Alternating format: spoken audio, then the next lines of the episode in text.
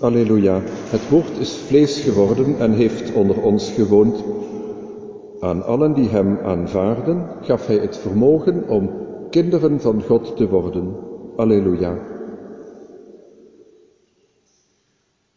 De Heer zij met u. En met. Uit het heilige evangelie van onze Heer Jezus Christus volgens Lucas. Lof zij u, Christus. Toen de tijd aanbrak waarop Maria en het kind volgens de wet van Mozes gereinigd moesten worden, brachten zijn ouders Jezus naar Jeruzalem om hem aan de Heer op te dragen, volgens het voorschrift van de wet des Heeren.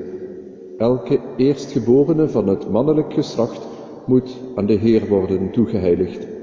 En om volgens de bepaling van de wet des Heeren een offer te brengen, namelijk een koppel tortels of twee jonge duiven. Nu leefde er in Jeruzalem een zekere Simeon, een wetgetrouw en vroom man die Israëls vertroosting verwachtte. En de Heilige Geest rustte op hem. Hij had een godspraak ontvangen van de Heilige Geest dat de dood hem niet zou treffen voordat hij de gezalfde des Heren zou hebben aanschouwd.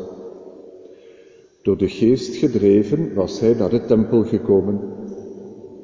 Toen de ouders het kind Jezus daar binnenbrachten om aan hem het voorschrift van de wet te vervullen, nam ook hij het kind in zijn armen en verkondigde Gods lof met de woorden, Uw dienaar laat gij, Heer, nu naar uw woord in vrede gaan.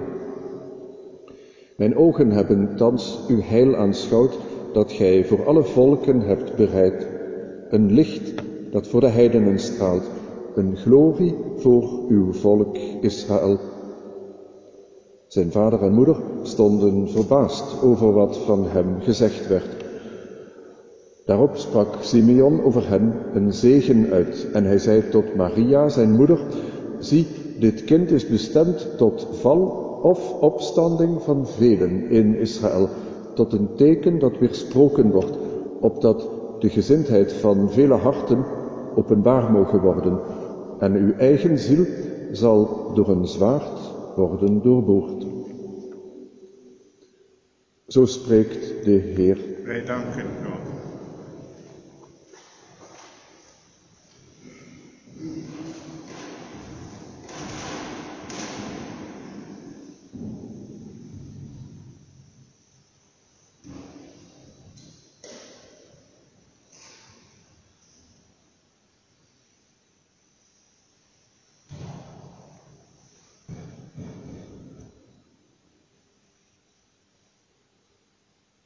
Je zult maar in Engeland wonen en al op relatief jonge leeftijd de marteldood sterven, omdat het koningshuis het driftig oneens met je is.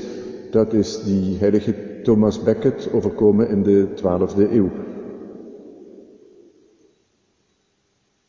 Of, ja, ik kan ook zeggen, je zult maar Thomas heten, want vier eeuwen later is in datzelfde Engeland precies datzelfde gebeurd.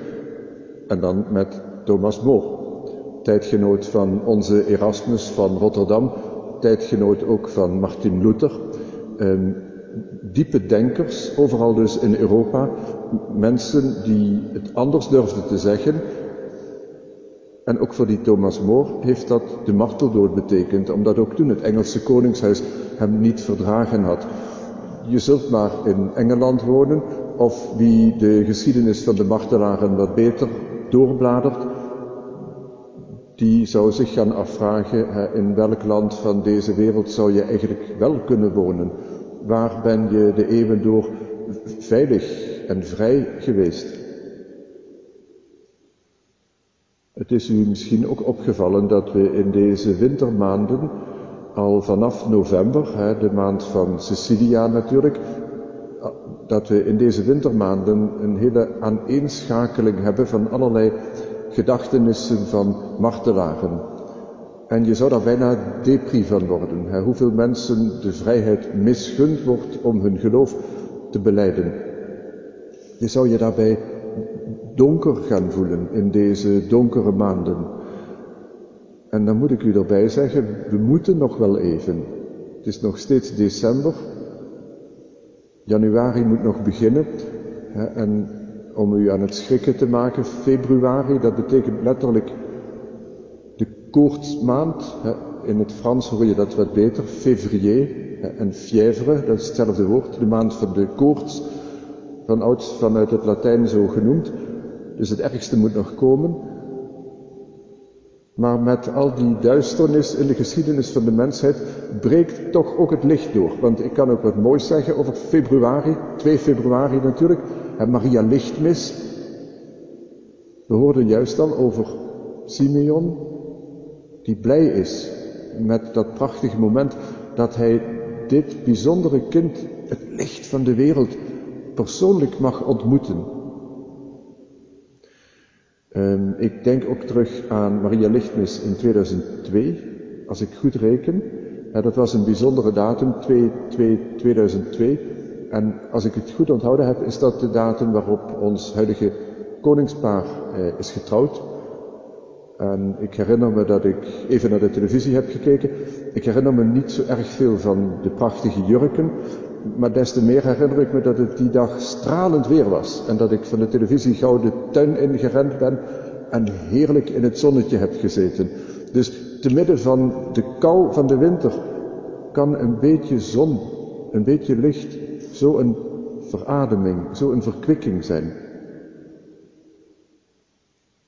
En precies dat beschrijft Johannes in die prachtige brief die we juist mochten horen. Te midden van het duister zijn wij geroepen om licht te zijn. Of mooier nog, om het licht van Jezus' blijde boodschap te laten stralen. Deze donkere wereld daarmee te verwarmen. Laten we op voorspraak van die heilige Thomas tot hem bidden.